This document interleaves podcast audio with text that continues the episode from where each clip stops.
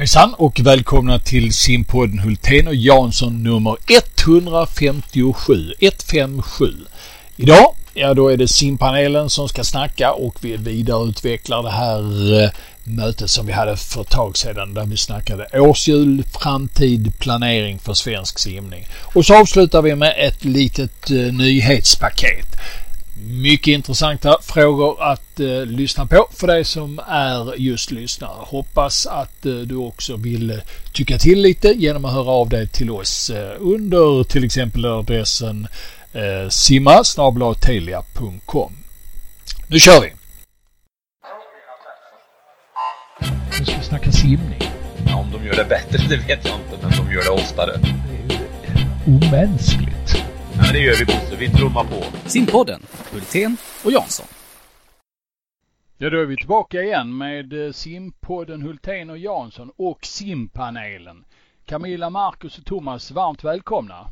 Mm, tackar. Tack, tack. Tack så mycket. Eh, förra gången snackade ju vi bland annat om det här med säsongsplanering. Eh, och det blev ju väldigt mycket. Eh, och Thomas har varit duktig här för för en gångs skull tänkte jag säga. Men eh, nej, det sa jag inte. Det var som jag tänkte som skulle vara lite roligt. Men eh, har, har sammanfattat lite på papper här framför oss. Så jag tänkte att vi kör eh, lite kort igenom det för er som inte lyssnade på simpanelen förra gången. Och då har vi ju snackat SumSim och SM och olika nivåer på simning och, och sådär. Och vad vi var hyfsat överens om det var väl att eh, SumSim har ett för stort fokus och på så sätt tar, tar för mycket syre ur den svenska simningen på något sätt. Va? Så kan vi säga. Och sen så hade vi då lite olika infallsvinklar om eh, den här produkten som eh, Thomas har skrivit. Det är en 50-årig produkt. Den är snart 60 år. Eh, den skulle simmas för, eller simmas för 60 upplagan i år ska jag säga. Och det vet jag. Ja, och du har skrivit fel. Men jag vill gärna ja. slå dig på fingrarna när det gäller det. Ja, yes. Ja. 61 i Västerås var första gången. Precis, och då eh, är det ju så här att eh, med det, det upplägget som är nu så ändrar det ju inte åldersstrukturen på vår eh, idrott utan det är ju fortsatt ändå en barnidrott. Kom vi fram till hyfsat gemensamt. Eh, ändrar inte incitamenten för träning. Eh, ändrar kanske inte heller vår position och vårt förhållande till andra länder. Och är inte den quick fixen eller den fixen som vi vill ha för att eh, lösa de problem vi har. Och vi kommer inte att utnyttja 50orna, eh, det vill säga långbanesäsongen på det sättet som vi eftersträvar och gärna vill. Det ligger ju en stor potential i det här med 50 som ligger över hela landet och bara väntar på att det ska välla in simmare. Och att pengarna eh, läggs på relativt få årskullar. Det är ju 16-åringar tänkte jag säga som får allra mest pengar i svensk simning. Nu överdrev jag kanske bara och syftade och stack upp fingret lite. Och sen i den eh, tävlingsstruktur som vi har idag så behöver man knappast JSM och SM eller åldersstruktur ska vi kanske säga det. Och sen så eh, snackade Thomas en del om att eh, ska vi definiera oss som sommaridrott eller vinteridrott. Och idag känns det som vi är mer en vinteridrott. Och lite annat smått och gott. Har ni någonting att tillägga där i den fantastiska sammanfattningen? Ja, jag kan väl lägga till då det Marcus tryckte mycket på och så använde han ju ett ord som blev lite nytt för mig, att levla. Finns inte eh, det i Filipstad alltså? Nej, du vet vi ligger ju lite efter. Va? Vi är långt ifrån de storstäderna och, och, allt sånt där kunnande. Men jag tyckte det var intressant just det här att man lägger fokus på den delen att allt inte kommer på en gång. Så det var ju med i min sammanfattning här då. Um, ja, Marcus. Ja, eh, jag kan ju utveckla det lite med att levla. Jag har ju fördelen att ha mina barn i andra idrotter. Jag har inte lyckats få dem till simningen. De, de badar väldigt mycket va? men det, de dras till lagsporterna. Båda två spelar innebandy bland annat. Och där är det väldigt tydligt när man börjar. Man börjar tävla väldigt tidigt. Eh, du behöver knappt gå på en enda träning tänkte jag säga och så är det match på lördagen. Och då börjar man väldigt, väldigt smått. Man spelar match på tvären av en gympasal och man är tre på plan och man har små målburar. Och så levlar man då i olika ja, nivå blå, nivå röd. Som min 11-åring nu, han är på nivå röd men ett mellanmål och det är fortfarande 10 meter kvar till full plan. Eh, så där är det ju väldigt tydligt medan i simning, ja första loppet du simmar är 50 meter frisim och det är ju det är en OS-distans med samma regelbok som OS-finalen. Eh, Eh, ja. Mm. Det är väl väldigt tydligt det du säger tycker jag. Det är ju lite som om man skulle börja spela fotboll med 11-mannamål direkt och sätta in en pygmé nere i ena hörnan på den där rutan. Det känns ungefär så ja. Ja, och målkameror och mm. sådana här grejer. Ja. Ja. Mm. Eh, Thomas, vi skulle vara lite mer precisa här nu efterlyste du och det är väl en och annan eh, eh lyssnare också som har tänkt eh, de idéerna att ah, vad fan vad de eh, snackar i vida breda termer här och är flummiga. Nej, peka nu rätt. Var ska vi peka någonstans Thomas? Ja, jag ska börja med att återupprepa den frågan som jag tycker hela simmar-Sverige ska ställa sig innan vi överhuvudtaget går vidare. Vilken typ av idrott vill vi vara?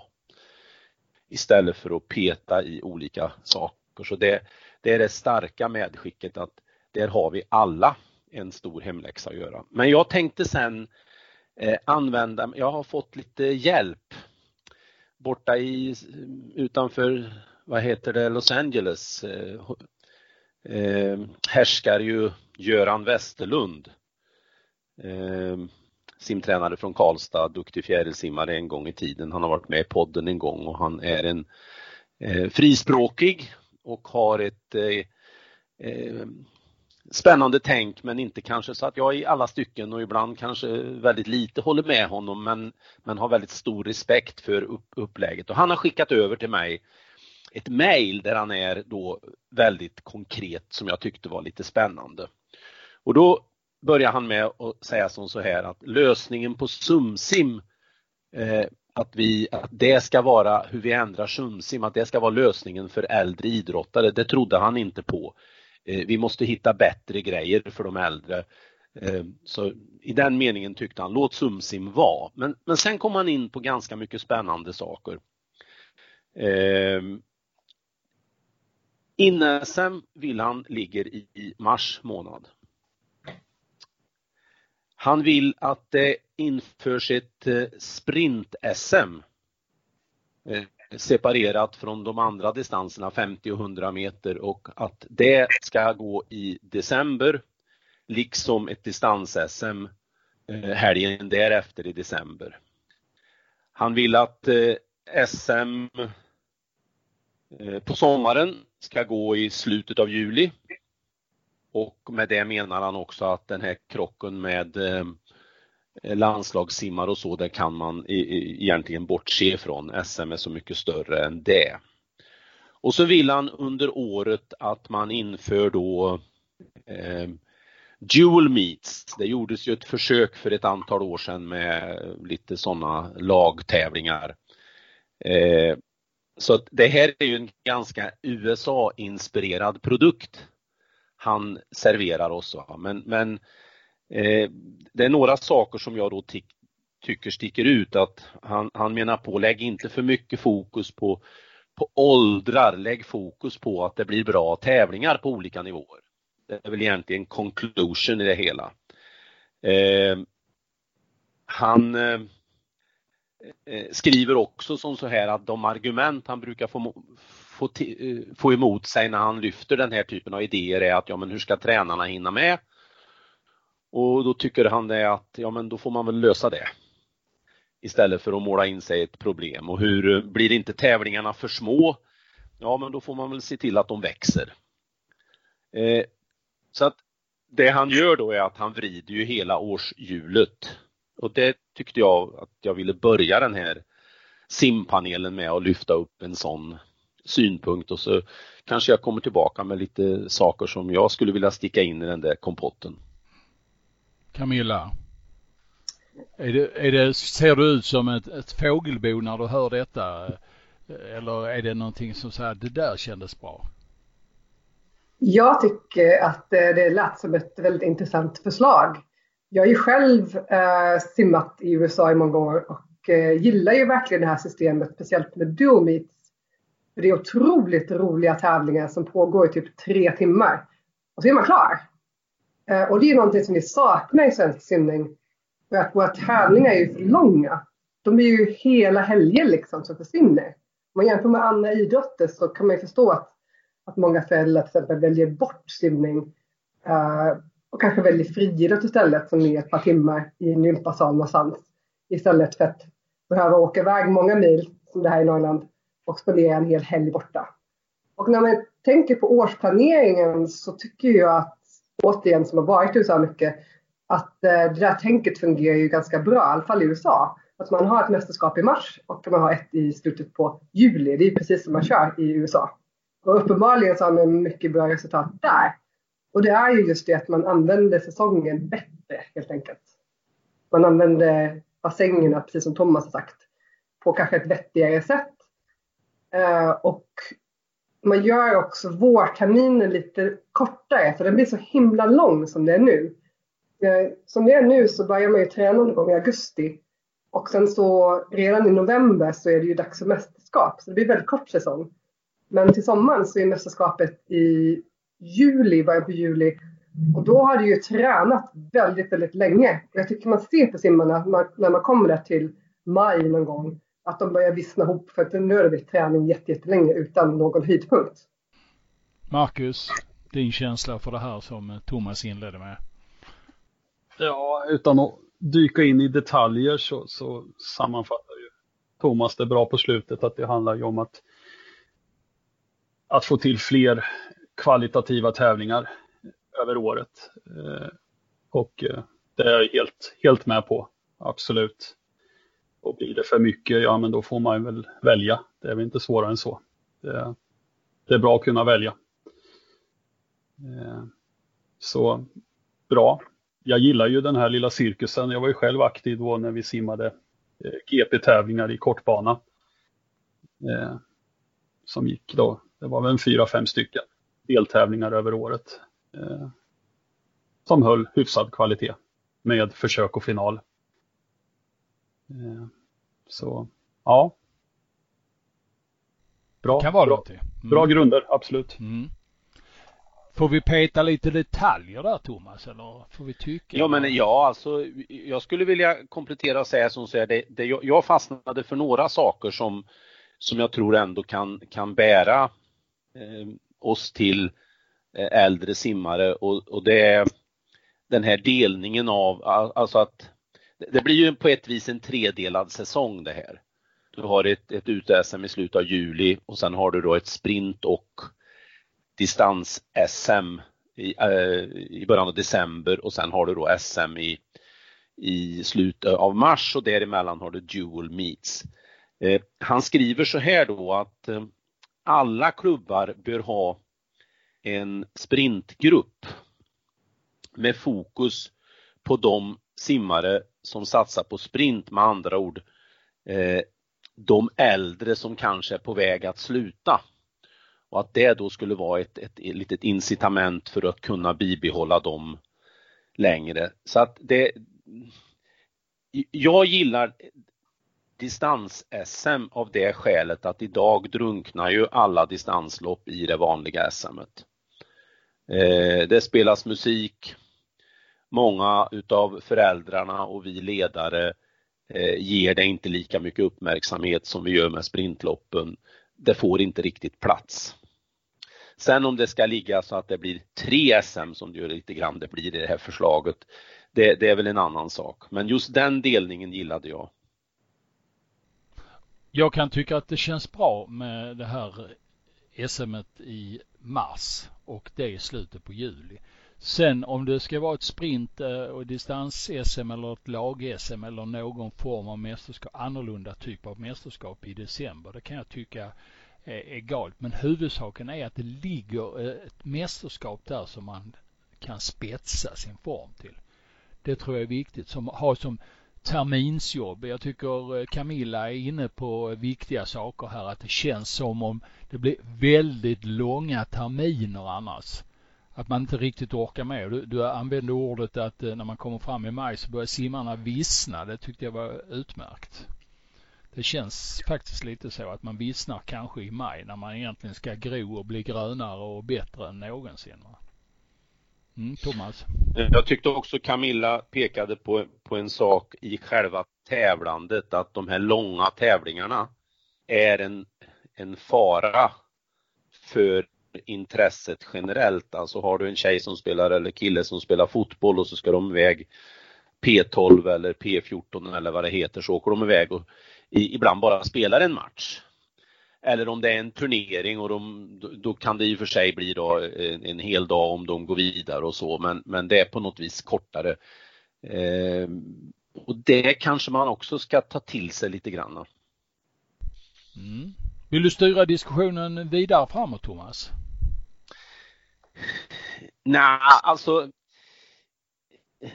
någonstans i det här så, så jag är som en eh, skiva som snurrar runt med samma budskap hela tiden. Eh, jag, jag, jag tror ju eh, Jag tror ju inte att det löser eh, upp det stora fokuset på SumSim som är. Så just i den, den delen är jag ganska djupt oenig med, med Göran Westerlund. Eh, jag tror att eh, oavsett vi skulle göra de här andra förändringarna så skulle det fokuset kvarstå. För det sitter djupt rotat i oss. Du nämnde nyss 60 år och som det blir nästa år då. Och eh, jag skulle kunna tänka mig ett sånt här upplägg om man helt enkelt eh, minskade ner Sumsim till vad vi var inne på förra gången lite grann. Typ det kan räcka med regionsfinaler för de flesta åldrarna. Mm. Kan du göra det, Marcus? räcka med regionsfinaler? Är det tillräckligt eh, incitament för att för en eh, vass 15-åring att tävla på SumSim? Ja, om det ska exakt vara 15, det vet jag inte, men eh, jag tycker att det är ett bra, bra steg in i alla fall, att det inte, att det inte direkt blir riks. Eh, jag har ju haft många simmare, vad, vad är de, 12-13 år, och de darrar ju som Asplöv första gången på riks. Eh, de tycker ju det är gigantiskt stort. Eh, så absolut, jag för att man ska kunna växa in i den tävlingen och göra kanske ett, två, kanske till och med tre regionsfinaler först. Ja, sen exakt ålder, det, behöver jag fundera på. Jag är ju bara osäker på hur tidigt ska vi börja med SM? jag tycker fortfarande att det är väldigt tidigt när man är 13 att börja med SM, även om det bara är regionsfinaler. Eh, så jag skulle ändå vilja se att man höjer åldern. Och sen hur man lägger upp det sen, det får man nog tänka ett par varv till. Men en tanke som jag har haft nu ett, ett ganska bra tag, det är ju att Sumsum är otroligt roligt. Eh, och det är upplägget också som är väldigt kul, för det gör ju att man, man går ju väldigt brett när det gäller Sumsim region. Sen är det ju några få som går vidare till Sumsim Riks. Men många får ju vara med på tävlingen. Det är kanske det som är det roliga i Sumsim. Och det är det vi missar på JSM SM. Eh, och jag tycker att man kunde ju gott försöka ta Sumsim-konceptet och köra det på SM. Så man har SM-region och SM-final. Eh, och då tror jag vi skulle få många fler som skulle välja att fortsätta. För att det blir ju ändå en stor tävling att vara med på. För du är med på SM, även om det är region. Hör, hör ni hur alla tänker nu? Camillas ja, men, idéer.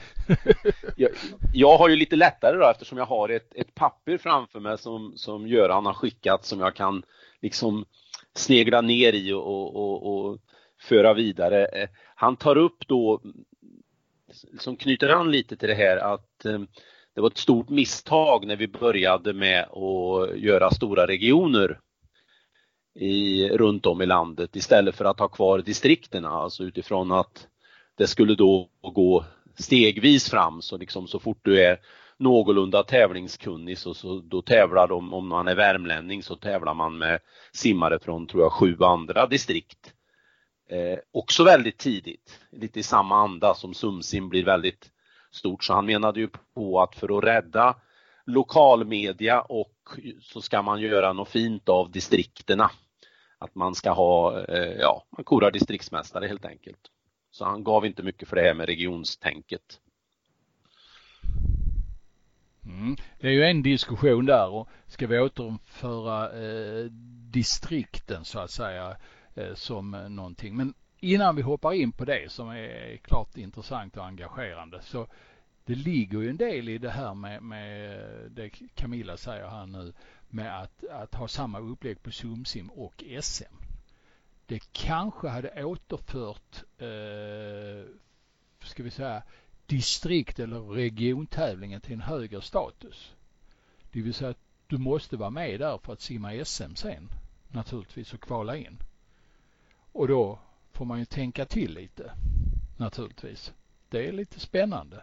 Det slår ju kull en hel del eh, gamla idéer naturligtvis. Va? Marcus, vad är din känsla för det här?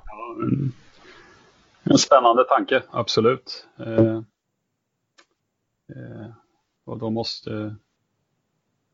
Ja, nej, helt klart en spännande tanke. Eh, och det är ju inte bara då att flyga in någon över en helg som, som går i och racear utan det, det kräver, kräver, lite mer planering om man ska få fram, få, ja, om man vill ha in USA-simmare till exempel. Det, det, det, får man ju vrida och vända på till exempel. Då. Eh, och vara med lite längre ja, om det går att lösa. Mm. Hur är det idag? Hur många, det var det jag skulle försöka slå upp här. Hur många regioner har vi på Sumsim? Det är sex stycken just nu va? Tidigare var det nio om jag inte minns fel. Ja, det tror jag stämmer. Ni får nu slå mig på fingrarna om jag inte riktigt har rätt där. Det går ju inte upp till en nivå som det var på distrikten. Men å andra sidan sett så kan jag tycka då att eh, Eh, det här med att centralisera som man har gjort till sex regioner istället för nio, det var också att slå undan benen lite på, på svensk simning. Va? Och jag håller med i detalj här. Nu står jag in diskussionen lite på distrikt. Jag vet inte om du, du och jag Thomas, vi är lite äldre än vad ni andra två. Vi kanske har en lite förlegad syn, det vet jag inte. En mer gammal eh, sån här nostalgisk eh, känsla av att distrikten, det var rätt gött alltså. Simma ett eh, DM i Skåne eller ett DM i Värmland. Att hoppa i som du sa nu mellansvenska, var det sju distrikt eller vad är det för någonting? Hur sju, ja, sju, eller, sju eller åtta distrikt ingår ja, hur, hur intressant är det för någon läsare av Värmlandstidningen att få veta att eh, eh Stina i Karlstad har vunnit mellansvenska DM. Ja, Stina DM. vinner är det ju bra Bosse, men det är ju det att de är ju inte intresserade av att läsa alla de andra distriktens aktörer. Va? Eh, men eh, incitamentet för mig är ju inte att jag har upplevt distrikterna. Incitamentet för mig är att om vi, om vi har gått ifrån 25 distrikt i Sverige med distriktsstyrelser och varje styrelse kanske har varit eh, 6-7 personer eh, gånger 25, då är det 125 frivilliga, alltså idealister som har jobbat för simningen. Det har sedan då ändrats till några få regionsstyrelser, alltså på något vis flyttar vi det här ideella intresset bara längre och längre bort. Och det tycker jag är ett viktigt incitament i, i regions och eh, vad heter det nu, distriktsresonemanget. Och att det, det blir mer och mer ett elittänk va?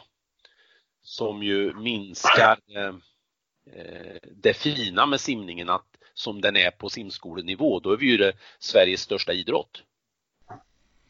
Det är vi inte när de kommer upp på 20 plus direkt. Nej. Mm. Vad tycker ni om distrikten? Ska vi återinföra dem? Kan vi återinföra dem? Vill vi återinföra dem? Camilla? Jag tycker det är en lite knivig fråga för att eh, distrikten här uppe i Norrland till exempel är ju så himla små. det är väldigt små klubbar här uppe så att eh, om vi skulle köra DM här uppe i Norrland så är det ju Umeå som är väldigt stor förening här uppe. Och sen är det inte så himla mycket mer. Det är Luleå och Skellefteå men det blir ganska liten tävling. Eh, som, så... som, det är, som det är idag ja. Ja, som det är idag. Men förlåt mig nu, nu, nu låter jag mm. som eh, historieprofessor Baltasar eller något sånt där. Nu backar vi bandet och så tittar vi på hur såg det ut i Norrbotten för 30-40 år sedan? Hur många simklubbar fanns det då? Ja, det fanns tio klubbar, någonting ditåt. Och de allra flesta av dem hade duktiga sumsimmare. Vi minns simmare från Gema, både Gällivare och Malmberget, vi från Pajala, Luleå, eh, Kalix, eh, Arvidsjaur, eh, ja, Arjeplog. Bodens bandyklubb. Ja, BBK och så vidare. Det var ju simmare på SM och sumsimnivå. Kanske inte man kan komma tillbaka till det men är det inte sånt här som har slagit undan benen att man har gjort för stora regioner? Eller? Ja, alltså jag, jag har ju inte svaret.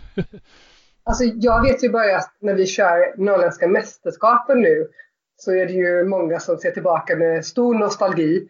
Eh, att Norrländska mästerskapen var ju något helt fantastiskt för ett par eh, decennium sedan. Med massa eh, SM-simmare och försök och final och, och det var liksom verkligen bara snäppet under SM. Det var otroligt bra standard på tävlingarna. Och nu så kämpar vi lite grann för att få ihop en hyfsad tävling.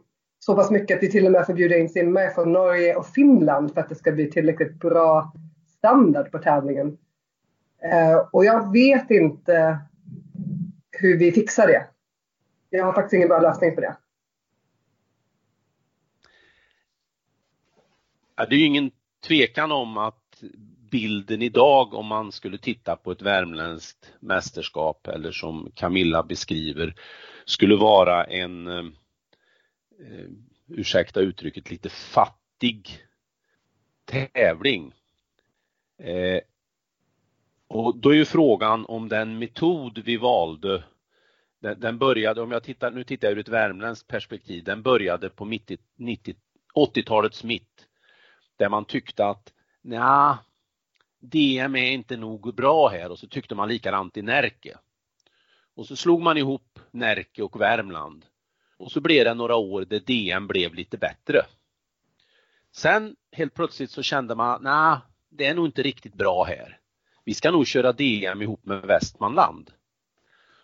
Så har ju lite grann karusellen gått och då är ju, då är ju frågan, har vi gjort rätt åtgärd när vi har märkt att det har tunnats ut om jag då tittar återigen på Värmland där Arvika har försvunnit, där Hag, eh, Hagfors har försvunnit, eh, Storfors, Kristinehamn, Filipstad med mera. Är det då rätt medicin att regionerna bara ska bli större och större för att åter få liv i de här små orterna?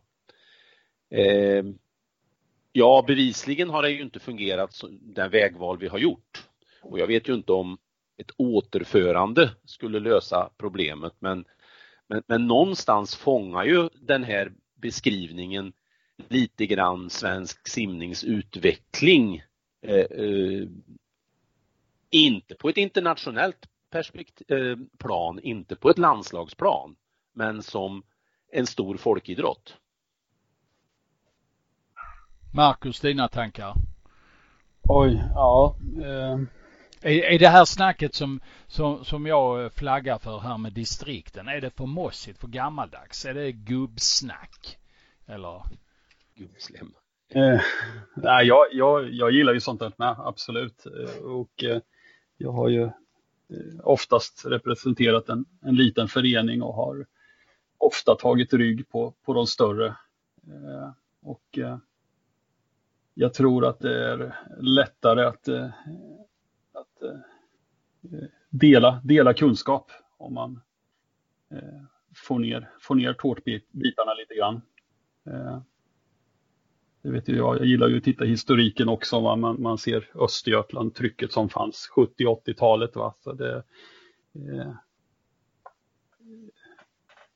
man hade gemensam framgång. Eh, man skapade en, en, en konkurrens, man, man, skapade ett eget ekosystem där man ja, tog, med, tog med de som tyckte lika och så gjorde man en resa, så körde man. Medan nu så ingår vi i, vi är ju östsvenska. Vi har ju 30-40 mil ner till, till längst ner, vad det nu kan vara, Kalmar. Eh, det är svårt att skapa det där trycket att nu jäklar, ska vi göra något så måste vi göra det tillsammans. Eh, och det tror jag, då är det lättare att, att plocka ner någonting att ja, vi gör en östgötaresa här med fyra klubbar. Eh, det, det tror jag mer på. Utvecklingen över hela landet har varit likadan. Jag vill eh, minnas att 1978, nu, nu känns det för er som är unga och lyssnar på det här som det var i den grå forntiden, men för oss som är lite äldre så är det inte så jävla länge sedan. Eh, vi var med i alla fall. Då var det, om jag inte minns helt fel, 11 skånska klubbar som tog medalj på SM i Malmö 1978. 11 stycken skånska klubbar. Det kan ni bara räkna hur många det är idag va. Eh, det är stor skillnad. Så att det är inte bara de små distrikten som, som har fått den här utan jag tror det är en, en känsla över hela landet det här att precis som när vi tittar på, på fotboll. Vi tittar mycket mer på internationell toppfotboll idag än vad vi gjorde förr. Va? Nu, nu är vi inte nöjda med att titta på division 1, eh, division 2 fotboll utan minst allsvenskan och helst eh, någon internationell liga och ska det vara riktigt rätt så är det många som har flyttat fokuset till Champions League istället. Och det är lite så den känslan som finns i all idrott idag. Har jag, tycker jag i alla fall. Att man liksom man tittar inte runt omkring sig där man står utan man ska titta ut och så är det det som gäller. Och ändå har vi liksom, man bara ser hur världen runt omkring vittrar. Nu lät jag oerhört negativ. Men eh, lite så är det kanske. Jag vet inte.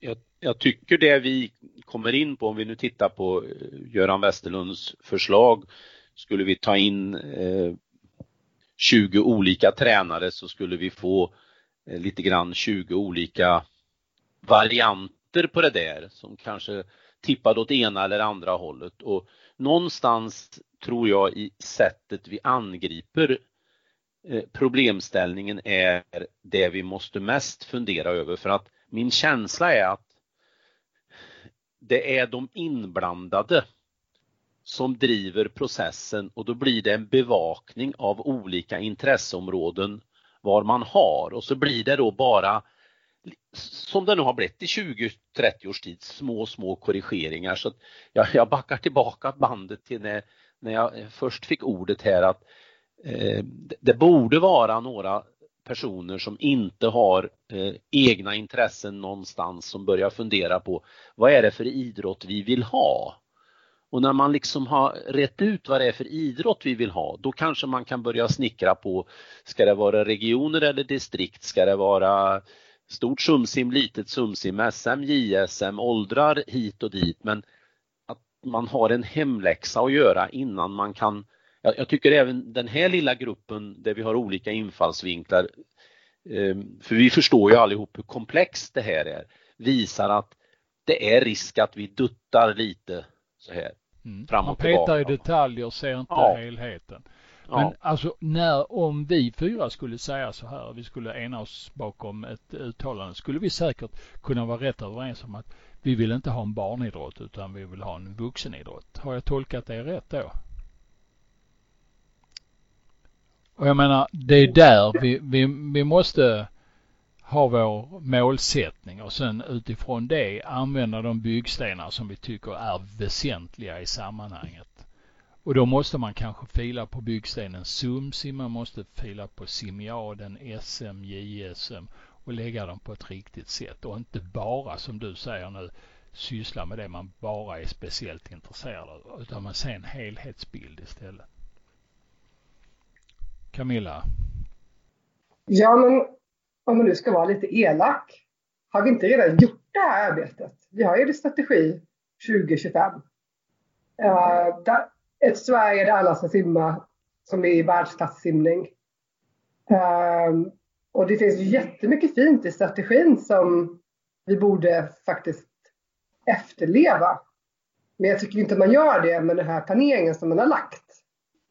Så det kanske är väl jobbet eh, att faktiskt eh, läsa strategin och göra sin läxa lite grann kring det. Kan du ge oss exempel på eh, där man har halkat fel så att säga i snacket och tänket? Det pratas ju väldigt mycket om det här att göra eh, triangeln till en fyrkant. Um, mycket, mycket prat om det. Men det är ju liksom ingen tänk eller inga pengar som går egentligen till att, att göra det så. Utan det är mer så här som man säger i USA, lite lip service till det. Ehm, um, där tycker jag är ett bra exempel på att man faktiskt inte följer strategin. Det är ju det är väldigt bra att Camilla lyfter upp den biten för det, det är ju självklart som så att eh, den delen av det jag kallar en hemläxa att göra, den, den är gjord men jag, jag, tycker att den är ju lite grann framavlad ur ett stuprör från RF. De har ju ändå skickat med väldigt mycket i den här frågan och jag tycker att vi som simning har en, alltså ska koppla på den här, för den, det är ju 2025 arbetet som det heter med hur vill vi till slut det ska se ut i våran idrott och det lite grann saknar jag. jag. Eh, när jag var inne och arbetade i Eskilstuna så hade vi en sån här arbetshelg kring det här eh, arbetet. Vi var i Kolsva tror jag, om ni har varit där någon gång. Det var trevligt i och för sig. Eh, men det visade också hur svårt när vi började prata om att eh, hur vår idrott skulle vara. Eh, vi kom in på vattenpolo som ju är en del av det. Vi kom in på handikappsimning, vi kom in på eh, simhopp, konstsim och så vidare. Det blir väldigt stort. I, I den här tratten så sitter ju vi här och pratar årsplanering för bara simning. Som ju är, så att där tycker jag ändå att vi har en liten hemläxa att göra även om förbundet har, har anammat RFs eh, tankar kring 2025-arbetet. Triangel till rektangel. Marcus? Ja, ja intressant. Eh, jag tror att vi fastnar väldigt för mycket, att vi, vi får det här serverat som en färdig produkt istället för att tänka att vi jobbar med en prototyp som hela tiden måste skruvas och filas på. Och får man en färdig produkt, att så här ska det se ut, de här ramarna har vi, då blir det lätt att vi hamnar på detaljnivå. Jag märker ju det när vi sitter i vårat vår region och våra höstmöten. Att vi lägger ju timmar på om vi ska dela ut tre medaljer eller om även fyran till sexan ska få medalj. Det är skitsamma Eh, i det stora hela. Eller hur en grenordning på DM ska se ut. När ska vi lägga 1500? Det är ju bara struktur istället för att angripa de stora, stora frågorna. Varför kan vi inte behålla tjejer? Hur får vi in killar? Eh, läggs noll minuter på det när vi träffas en helg. Men vi fastnar i de här detaljerna för att vi tror att ja, det här, det här är färdigt, en färdig produkt. Sumsim, den är 60 år gammal, den, den rör man inte. Eh, ja, nej, vi... Men är det kanske så att det är enklare att snacka om detaljerna? Då får man alla med sig, alla förstår. Alla har, eh, kan skapa sig en bild av hur det kan se ut. När vi tittar på de här lite större svepande eh, uppläggen så är det kanske svårare att visualisera för, för en del. För andra är det lätt men de kanske inte kan se detaljer. Jag vet inte. Det är nog helt klart så, absolut. Eh. Ja, och då är det nyttigt att, att vi är, har, har bredd i, i diskussionsgrupperna och eh, att vi har folk med ögon utifrån och från andra idrotter, från affärslivet och ja, många branscher. Framgångssagor, någon som kan, ja, hur, hur får man in det? Med, kan vi snacka vidare om detta nu eller har vi kommit till vägs ände idag? Vad tycker ni? vi skulle väl kunna hålla på i flera dagar. Jag, jag vill bara lägga till, jag vill bara lägga, lägga till att eh, om man tittar på vad som har skett ur ett medialt perspektiv så har ju simidrotten gått ifrån att den pikade någonstans eh, på 60-talet, början av 70-talet, att det var viktigt för medierna om vi tittar på antalet akkrediterade på ett SM, tittade på hur, hur eh, om, om SVT valde att sända eller inte sända så har vi gått till att det är ganska få akkrediterade medier på våra stora tävlingar. Inte ens nu i Helsingborg får vi ju media att riktigt eh, hoppa på den tävlingen och om man lägger in det i potten, vad är det för idrott vi vill ha? Vad har hänt? Och så drar man ut linjer från det som har hänt så, så blir ju jag lite grann, och det är ju tråkigt om man ska ha ett mollperspektiv, men men jag blir ju väldigt pessimistisk för vad det här slutar om 10-15 år. Och då kanske vi måste göra någonting nu. Inte bara peta med mm, detaljer utan att eh, på något sätt eh, krama tandkrämstuben lite försiktigare och se till att det är mer tandkräm eh, borta vid hålet än eh, längst bak. Eller vad man kan säga. Ni förstod inte liknelsen för det gjorde jag knappt själv heller men Å andra sidan sett så är det inte nödvändigt. Men jag tror vi, vi, vi landar där någonstans. Va? Eh, det finns detaljer som man skulle vilja slänga in.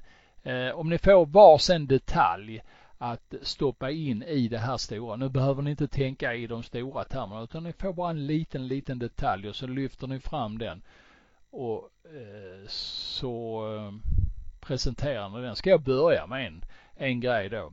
Eh, Thomas har skrivit här, ska vi återinföra landskamper? Nej, kanske inte, men jag tycker att vi skulle återinföra eller införa det som fanns en gång i tiden som var ett riktigt ordentligt nordiskt mästerskap. De nordiska mästerskap som finns nu i form av NUM och SUM och JUM och allt vad det heter, de är inte riktiga eh, eftersom man inte har lika många deltagare per gren och så vidare utan man, man skulle ha ett eh, mer Eh, strikt landskampsordning eh, och så köra ett nordiskt mästerskap. Det hade varit kul skulle jag tycka.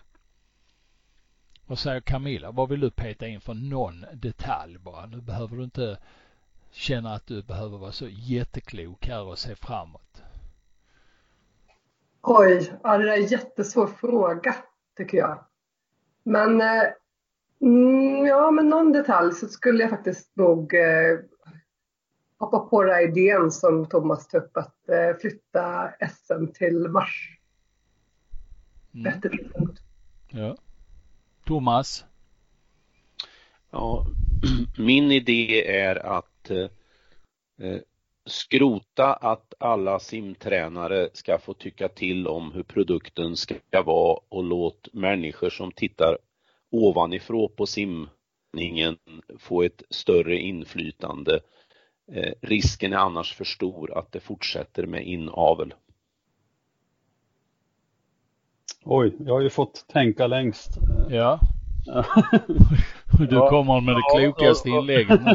Nej, absolut inte eh, tänkte jag säga. Men eh, oj, det, var, det är svårt. Det är jättesvårt. Eh, eh, men jag tror att överlag så är vi för dåliga på att, att se och lyfta goda exempel och eh, ta efter dem. Eh, och då kanske lite motsats till det Thomas just sa att, eh, att någon ska styra uppifrån så tror jag att vi experter, jag som sitter i lilla Motala, jag är expert här och vi som verkar i Östergötland, vi vet bäst här att, att det börjar därifrån och eh, att vi härifrån kan, kan skapa och producera simning som vi sen kan eh, ja, dela med oss till övriga.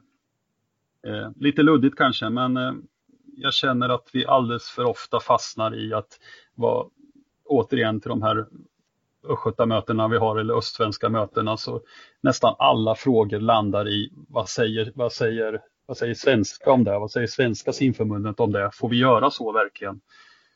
Eh, och då skruvar jag på mig att det är ju vi som vet bäst här där vi, där vi verkar. Eh, ja. Det är så. Vi vet bäst där vi är just nu. Och det är väl lite slutklämmen i eh, simpanelen idag. Vi lär återkomma med massor med frågor i framtiden. Tack för att ni var med idag. Marcus och Camilla Eh, vi ska köra en liten nyhetsuppdatering här efter detta men detta är den, eh, det längsta snacket vi har haft på bra länge. Vi hoppas eh, lyssnarna har varit med oss så här långt. Tack så mycket för idag. Tack och på återhörande sen allihopa. Tack! Tack! Nu ska vi snacka simning. Ja, om de gör det bättre det vet jag inte men de gör det oftare. Det är ju omänskligt. Ja, det gör vi Bosse. Vi trummar på. Simpodden, Hultén och Jansson. Och då har vi kommit in i Simpoddens nyhetsblock. Eh, och eh, kul med simpanel igen. Jag hoppas att ni eh, lyssnar också uppskattar Marcus och Camillas deltagande här. Eh, inte helt lätt diskussion att komma igenom en säsongsplanering och göra den eh, förståelig för, för lyssnare men också för oss själva i den här poddformen naturligtvis. Två kloka personer som jag märker att jag lär mig av i alla fall. Mm. Jättekul. Mm. Du, ehm, det finns lite mer. Det har kommit igång med lite tävlingar. Vi eh, fick en del intressanta race i Jönköping i helgen. Eh, och det är kul att se att eh, det händer en del där nere. Tormalm var väl kvintett personliga rekord. Ja, eh, Anna Thormalm, Jönköping-simmerskan som kommer från eh, nu ska vi se, Vimmerby, nej vad säger jag, Vetlanda är det, Vetlanda väl, eh, från början som eh, har eh, simmat riktigt bra nu, var nere på 54 och eh, låga på 32 tror jag till och med på 100 frisim och simmade in, eh, simmade upp sig ett antal placeringar på Sverige bästa listan genom tiderna och så vidare. Det var så bra ut. Det var mycket andra bra resultat också. Mm. Jag var inne och tittade lite i tempusstatistiken igår kväll och eh, på 25 meters bana finns det ju en del resultat inne som, som eh, ändå ger lite positiva vibbar tycker jag. Eh, sen om det beror på att man har blivit ännu bättre på att klara av vändningar och startmoment så att eh, det inte kommer att synas lika tydligt när man simmar i lång bana, det, det får vi ju se eh, till våren. Men eh, spännande att tävlingar är igång, en hel del fina eh, resultat. Och du sa Vetlanda förresten, skivor till kaffet. Mm, precis. Kommer du ihåg det? Ja, det minns jag. Han som ja, hade Var inte Sverige... det från Vetlanda det? Han ja. som hade scarfen Ja, han hade Sveriges största samling, samling av uh, stenkakor. Mm. Det var det Och så det. blir det ju SM Bosse. Ja, jag ska bara säga det att uh, jag uh, unnar er att gå in på uh, Lifetiming och titta. Uh, det kan ni göra via uh, simma.nu och den här tävlingen Speedomeet tror jag väl den heter i Jönköping som var helgen. För det här är en del intressanta eh, andra tider också. Jag ska inte lyfta några ungdomar här men det var en del riktiga godbitar. Så peta bland det ska ni se vad, vad det finns. Mm. SM, JSM, Sumsim. Ja. Mm, ja, SM i Helsingborg i ett coronaupplägg. Eh, stor hyllning till att man får ihop och att det blir utav. Gudskelov, jag var lite bekymrad att det inte skulle bli så. Eh, sen kan man ju alltid ha lite synpunkter på detaljer. Skulle det vara med någon lagkapper eller skulle man göra si eller så men jag tycker inte det är läge att peta för mycket i det utan eh, nu ska vi gå fokus på att eh, eh, det blir bra tävlingar de där fyra dagarna som det blir. Och då blir det ju två damdagar först och så blir det en vilodag och så blir det två herrdagar och så simmar man eh, samma program då. Eh, så de fyra dampassen ser eh, likadana ut som de fyra herrpassen sen. Och eh, det är väl bra, trevligt. Och vi ska sända det också över nätet ska vi säga med de eminenta kommentatorerna herrar Hultén och Jansson. Eh, som ska snacka. Så då hoppas jag att ni tittar.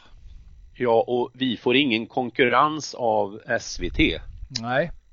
För det... de vill inte sända SM. Nej, precis.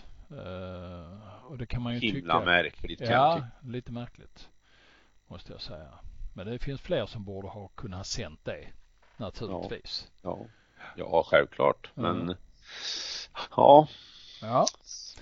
Du. Eh, sakta får man in klor i näsborrarna. Jag ja, det. det hade varit bra även om mm. det inte luktar så mycket klor i den simhallen för de har en annan typ av rening. Eh, väldigt, eh, väldigt bra eh, rening i den simhallen. Så att, men du får ju tänka dig kloret i alla fall. Ja. Olof Lund är en sportjournalist som du lyssnar en del till. Mm. Och kanske också ser upp till eftersom han är otroligt lång. ja, nu, jag tänkte ju säga det, jag ser upp till honom, det gör jag verkligen för just av det skälet. Men eh, jag har ett väldigt stor respekt för hans integritet i sin roll i förhållande till de här eh, stjärnorna. Det är något som jag tycker jag saknar hos väldigt många journalister som liksom, som ska vara kompis med dem på något vis va? och det, det gullas hit och dit. Men Olof Lund han är ganska rak i sitt sätt att jobba och han har dissekerat Svenska fotbollsförbundet. Och du och jag har ju eh, varit oerhört kritiska mot många saker de har gjort och många saker de inte har gjort som de borde ha gjort. Och han eh, visar ju upp fotbollsförbundet från en ganska eh, ja, svag sida. Ett förbund som borde skämmas, en ledning ska jag säga som borde skämmas. Eh, och det grövsta. Och han lyfter ju också, vågar ju också trampa lite grann mot eh, ikonen Zlatan lite granna eh, och hans dåliga sidor och det, det är också tycker jag eh, hälsobefrämjande så att en, eh, om vi ibland flyttar in folk i, i eh, skamvrån så skulle jag vilja ställa, sätta Olof Lund på en liten piedestal, en journalistisk piedestal. Mm. Jo, han kan, han kan ju vara rätt eh, eh, han kan ju vara väldigt tuff mot eh, de ledande inom förbundet också. Eh, I hans eh, bok, vad jag pratar om när jag pratar om fotboll, där är han ju till exempel klart eh, kritisk mot nuvarande förbundsordförande Karl-Erik Nilsson men också den eh, nyligen avlidne Lars-Åke Lagrell eh, som han eh, har jagat med blåslampa som journalist och inte alltid så varit så glad åt, ska mm. sägas. Eh, ja, Lund, han, han är en duktig sportjournalist, helt klart. Mm. Verkligen. Du nämnde Lagrell ja, och nu, nu hyllar ju alla honom utan att på en sekund, vilket ju är så skralt, eh, dissekera vad han egentligen gjorde. Då börjar man liksom prata om, jo men det var ju EM 92 i i Sverige som han indirekt var inblandad i att det blev där och det var ju bronsmedaljen på VM 94 och så är det tv-avtalet. Eh, till och med någon som yttrade att han var bra för damfotbollen. Men herregud, han var ordförande i 20 år från 1990 till 2010 orkade inte se till att damerna redan på 90-talet skulle ha samma förutsättningar som herrarna. Så jag ställer mig inte den hyllningskören. Ehm, respekt för att han är avliden och för de sörjande såklart. Men hyllningen den, den, eh, nej. Den deltar du inte i. Nej. Du, eh, rättvisa inom idrotten. Det är någonting man eh, tänker och funderar väldigt mycket på. Finns det någon sån? Finns det någon sån?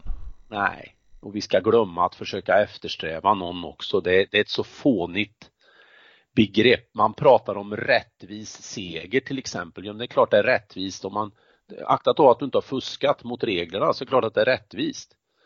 Eh, oavsett hur segern gick till. Eh, oavsett om du vann en, med 1-0 eller 15-0 i, i fotboll. Det är ju målen som räknas. I helgen blev jag dock återigen påmind om det här rättvisepratet och då, då handlar det om Florvalla. Eh, det är ju ett mirakelpulver som kom för skidåkarna för eh, dryga 30 år sedan. Närmare bestämt genom italienarna vid VM i Oberstdorf 87.